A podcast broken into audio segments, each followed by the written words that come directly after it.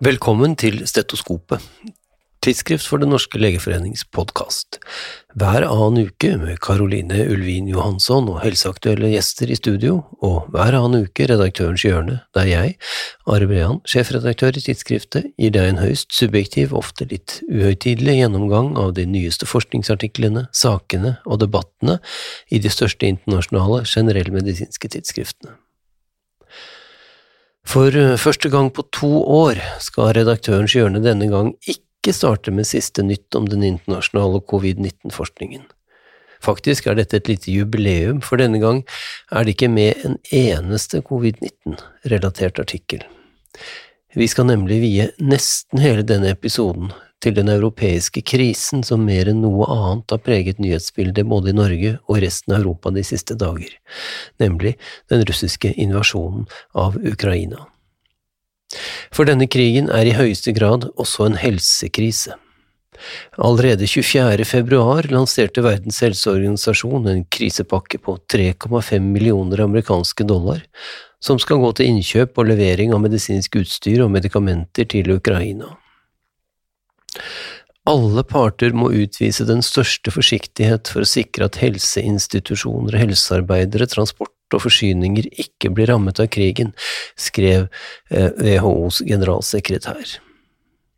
Og 27. februar fulgte WHO opp med en ny oppfordring, denne gang spesielt rettet mot forsyningene av oksygen til medisinsk bruk som kjent et essensielt terapeutikum på sykehus, blant annet til pasienter med covid-19 som det ligger over 1700 av på ukrainske sykehus, og til pasienter med andre kritiske tilstander.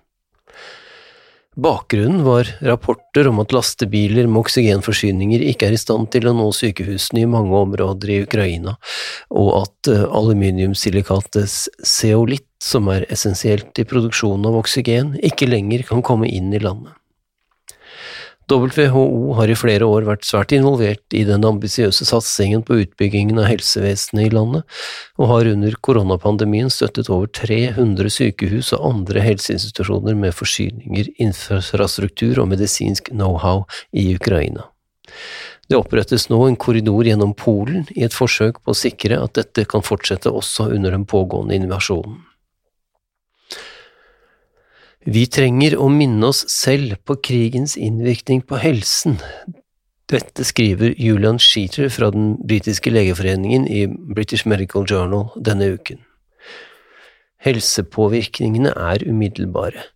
Mennesker blir såret og drept, men deretter bølger virkningene utover i rom og i tid.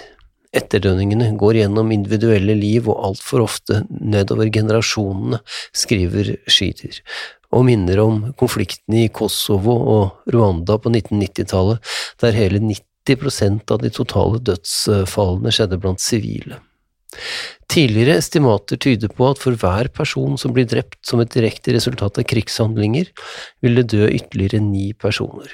Med andre ord, dødeligheten på slagmarken er bare en tiendedel av den reelle dødeligheten som følge av krig et tall som er svært påvirkelig av ikke minst de underliggende forutsetningene for helse i den aktuelle befolkningen, av ernæringstilstanden, av tilgangen på rent vann og tilstrekkelig næring, og ikke minst av et fungerende helsevesen. Og selv om Ukraina blir forskånet for direkte angrep mot helseinstitusjoner, vil innvirkningen på helsetjenester og på folkehelsen sannsynligvis bli knusende. Det er særlig urbane områder som er sårbare for moderne krigføring, slik vi allerede har sett på fjernsynsbildene fra blant annet hovedstaden. Når bygninger blir knust, transporten hindres, og både helsepersonell og pasienter blir avskåret fra å bevege seg i byene, vil helseutfallene raskt forverres. Og som vanlig rammes de mest sårbare både først og hardest. Vi vet fra tidligere kriger at barnedødeligheten og fødselsrelatert dødelighet, både hos barn og mor, rammes hardt ved væpnet konflikt. Og deretter kommer langtidseffektene. Først som en konsekvens av at tilgangen til rent vann og stabil matforsyning rammes, og så, blant annet som en konsekvens av flyktningebølgene vi allerede har sett konturene av. Det ukrainske folket har levd med angst for intensjonene til sin mektige nabo i mange år, minner Schieder oss om. De så Russland annektere Krim, og stå bak mindre krigshandlinger i Donetsk og Luhansk i Øster-Ukraina. Befolkningen i Ukraina vet også meget godt at de er uten direkte vestlig beskyttelse. Og nå, når en invasjonskrig raser, vil de psykiske helseeffektene være alvorlige og varige. Én ting er den umiddelbare risikoen for ting som posttraumatiske stresslidelser, men depresjon, angst og andre stressrelaterte tilstander, inkludert alkohol- og narkotikamisbruk, vil også øke, med konsekvenser som varer i generasjoner. Den 1. mars ble et åpent brev til Vladimir Putin publisert blant annet i British Medical Journal. Brevet, som på dette tidspunkt var signert av 15 000 helsearbeidere over hele Russland, eh, oppfordrer Putin på det sterkeste til å stoppe krigshandlingene. Vårt oppdrag er å redde menneskeliv, skriver legene, sykepleierne og ambulansearbeiderne som har signert brevet. Menneskelivet er uvurderlig. Det tar ett øyeblikk å bli drept av krigshandlinger, mens behandlingen og rehabiliteringen av ofrene kan ta år. For øyeblikkene av dagens krig vil vi betale mange år. Vi krever en umiddelbar stans av alle operasjoner med bruk av dødelige våpen, eh, skriver eh, de som har signert brevet. Og initiativtakeren, legen Ksenia Suvorova, er grunnleggeren av en russisk nettside for evidensbasert medisin. Hun forteller at svært mange av underskriverne har slektninger og venner som bor i, Ukraina og som har blitt direkte berørt av invasjonen. Og trusselen fra Russland får ukrainske forskere til å frykte for sitt liv og sin fremtid, det skrev tidsskriftet Nature allerede noen dager forut for den pågående invasjonen. Bakteppet er selvsagt det som skjedde i 2014, da Ukraina valgte en proeuropeisk regjering og Russland annekterte Krimhalvøya. Det fikk betydelige ringvirkninger for alle typer forskningsaktivitet i Ukraina. Forskningsmiljøer som tidligere hadde hatt samarbeid med russiske miljøer, vendte seg i stor grad mot Vesten og fikk nye nettverk der. På Krim, derimot, ble alle forskningsinstitusjoner som tidligere var drevet av det ukrainske vitenskapsakademiet, tvangsoverflyttet til russisk kontroll. Nå er man redd for at det samme skal skje med resten av landet, og at alt samarbeid med vestlige forskere vil stoppe opp.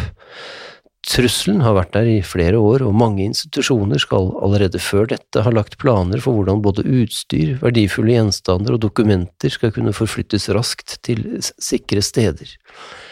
Mange ukrainske forskere vil ikke jobbe for fienden, sier en kilde, som frykter en betydelig vitenskapelig brain drain dersom landet kommer under en total russisk kontroll. Og denne frykten kan være reell. Tidsskriftet Science melder det, nemlig denne uken om flere initiativer for å skaffe flyktende ukrainske forskere arbeid. Det polske vitenskapsakademis avdeling for unge forskere har laget lister over universiteter og institusjoner som er villige til å tilby jobb til ukrainske forskere. Allerede har eh, initiativet skaffet blant annet en kreftforsker arbeid i Lublin og en psykolog arbeid i Warszawa og Alexander von Humboldt-stiftelsen har invitert ukrainske forskere til å søke midler i Tyskland, der blant annet Berlins frie universitet står med åpne armer.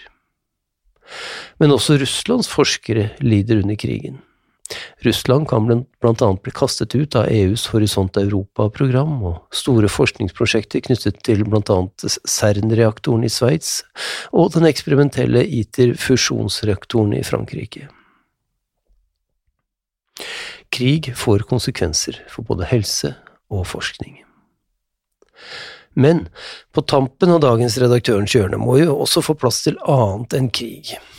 For å gjøre overgangen en smule mindre brå, forlater vi dog ikke våpentemaet helt, for Yama Pediatrics brakte i forrige uke en undersøkelse av forekomsten av våpen i amerikanske hjem hvor det bor barn. En studie i 2015 viste nemlig at en tredjedel av alle amerikanske husholdninger hvor det bodde barn, hadde våpen. 21% av disse husholdningene oppbevarte våpnene både ladd og utenfor låste skap. Det betyr at 4,6 millioner barn i USA i 2015 bodde i et hjem med ladde og ulåste våpen. Det var den gang, men hvordan er det nå? Denne nye og nasjonalt representative undersøkelsen viser at 30 millioner amerikanske barn nå lever i et hjem hvor det oppbevares våpen. Det er syv millioner flere enn i 2015. Og selv om amerikanere flest har blitt flinkere til å låse ned sine våpen, utlignes dette av den store økningen i antall hjem med våpen. Så fortsatt altså bor 4,6 millioner amerikanske barn i hjem der det er tilgang på ladde og ulåste våpen. Dette anses som et betydelig helseproblem i USA, og Annals of Internal Medicine, som tidligere har dokumentert den store økningen i våpenkjøp i USA under koronapandemien, har en egen samleside for våpenrelaterte helseartikler. Den introduseres passende nok med setningen Bevæpne deg selv med vitenskap. Så over til PLOS Medicine, der forskere i en større rett prospektiv kohortstudie har analysert sammenhengen mellom moderat økt høysensitiv C-reaktivt protein, dvs. Si under 15 mg per liter, og dødelighet ved aktuell koronarsykdom. I tidligere observasjonsstudier er høye nivåer av CRP funnet å være assosiert med dårligere prognose, kanskje som uttrykk for en inflammatorisk prosess relatert til atrosklerose, men hvordan dette forholder seg med moderat økte nivåer av høysensitiv CRP, er det hittil lite kliniske, ikke-intervensjonelle studier på. Data fra over 250 000 pasienter med suspekt akutt koronarsyndrom som hadde fått målt troponin T i England mellom 2010 og 2017, ble her inkludert. Hovedendepunktet var død innen tre år. Moderat forhøyet høysensitivt CRP var signifikant assosiert med økt dødelighet både ved baseline og etter tre år, en sammenheng som interessant nok var uavhengig av troponinnivået ved symptomdebut. Moderat forhøyet høysensitiv CRP ser altså ut til, sammen med økt troponin, å være en klinisk meningsfull markør for økt dødelighetsrisiko ved akutt koronarsyndrom. Fra hjertet skal vi over til rygg. Ischias er en svært hyppig forekommende plage i befolkningen. Spontanprognosen er som kjent vanligvis god, men ved progrederende nevrologiske utfall eller dårlig spontanbedring er det vist god effekt av kirurgi både på korttids- og langtidsprognosen. Og mikrodiskektomi er nå standardprosedyren ved slik kirurgi. Den har vist seg mer effektiv mot ved de fleste utkommer enn med kirurgisk traumatiske teknikker.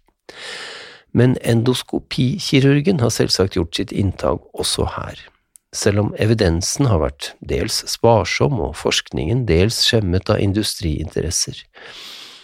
Nederlandske forskere har sett seg nødt til å gjøre noe med det, og i en studie nylig publisert i British Medical Journal har de sammenlignet resultater fra henholdsvis konvensjonell mikrodiskektomi og perkutant transforaminal endoskopisk diskektomi hos 613 pasienter mellom 18 og 70 år, som alle hadde hatt ischias i minst seks uker. Studien var designet som en ikke-underlegenhetsstudie, med primærendepunktet selvrapportert smerte målt ved visuell analog skala etter tolv måneder.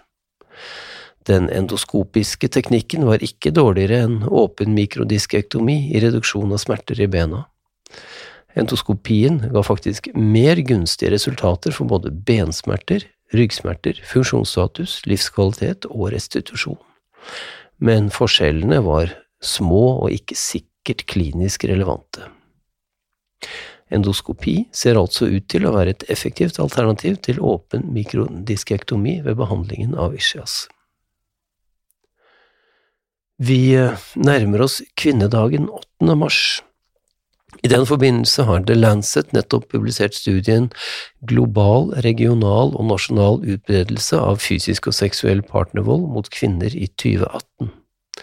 Studien er basert på data fra WHOs globale database om vold mot kvinner, som igjen er basert på et meget omfattende litteratursøk. 366 studier er inkludert, tilsvarende data fra to millioner kvinner og 161 land og områder over hele verden. Globalt har i gjennomsnitt 27% av alle kvinner mellom 15 og 49 år som noen gang har hatt partnere, blitt utsatt for enten fysisk eller seksuell vold, eller begge deler. Og 13% har vært utsatt for det det siste året. Og volden starter tidlig. Hele 24% av verdens kvinner mellom 15 og 19 år har opplevd vold minst én gang etter at de fylte 15 år. Ikke overraskende er volden mer utbredt i lavinntektsland. Det er verdt å merke seg at disse dataene ble samlet inn før koronapandemien, som vi jo vet har gitt enda dårligere levekår for mange av verdens kvinner. En trist oppsummering før 8. mars, dette, men likevel en viktig påminning om et globalt, betydelig helseproblem som vi faktisk kan gjøre noe med. Og det var det vi rakk i denne Redaktørens hjørne. Vi høres neste gang.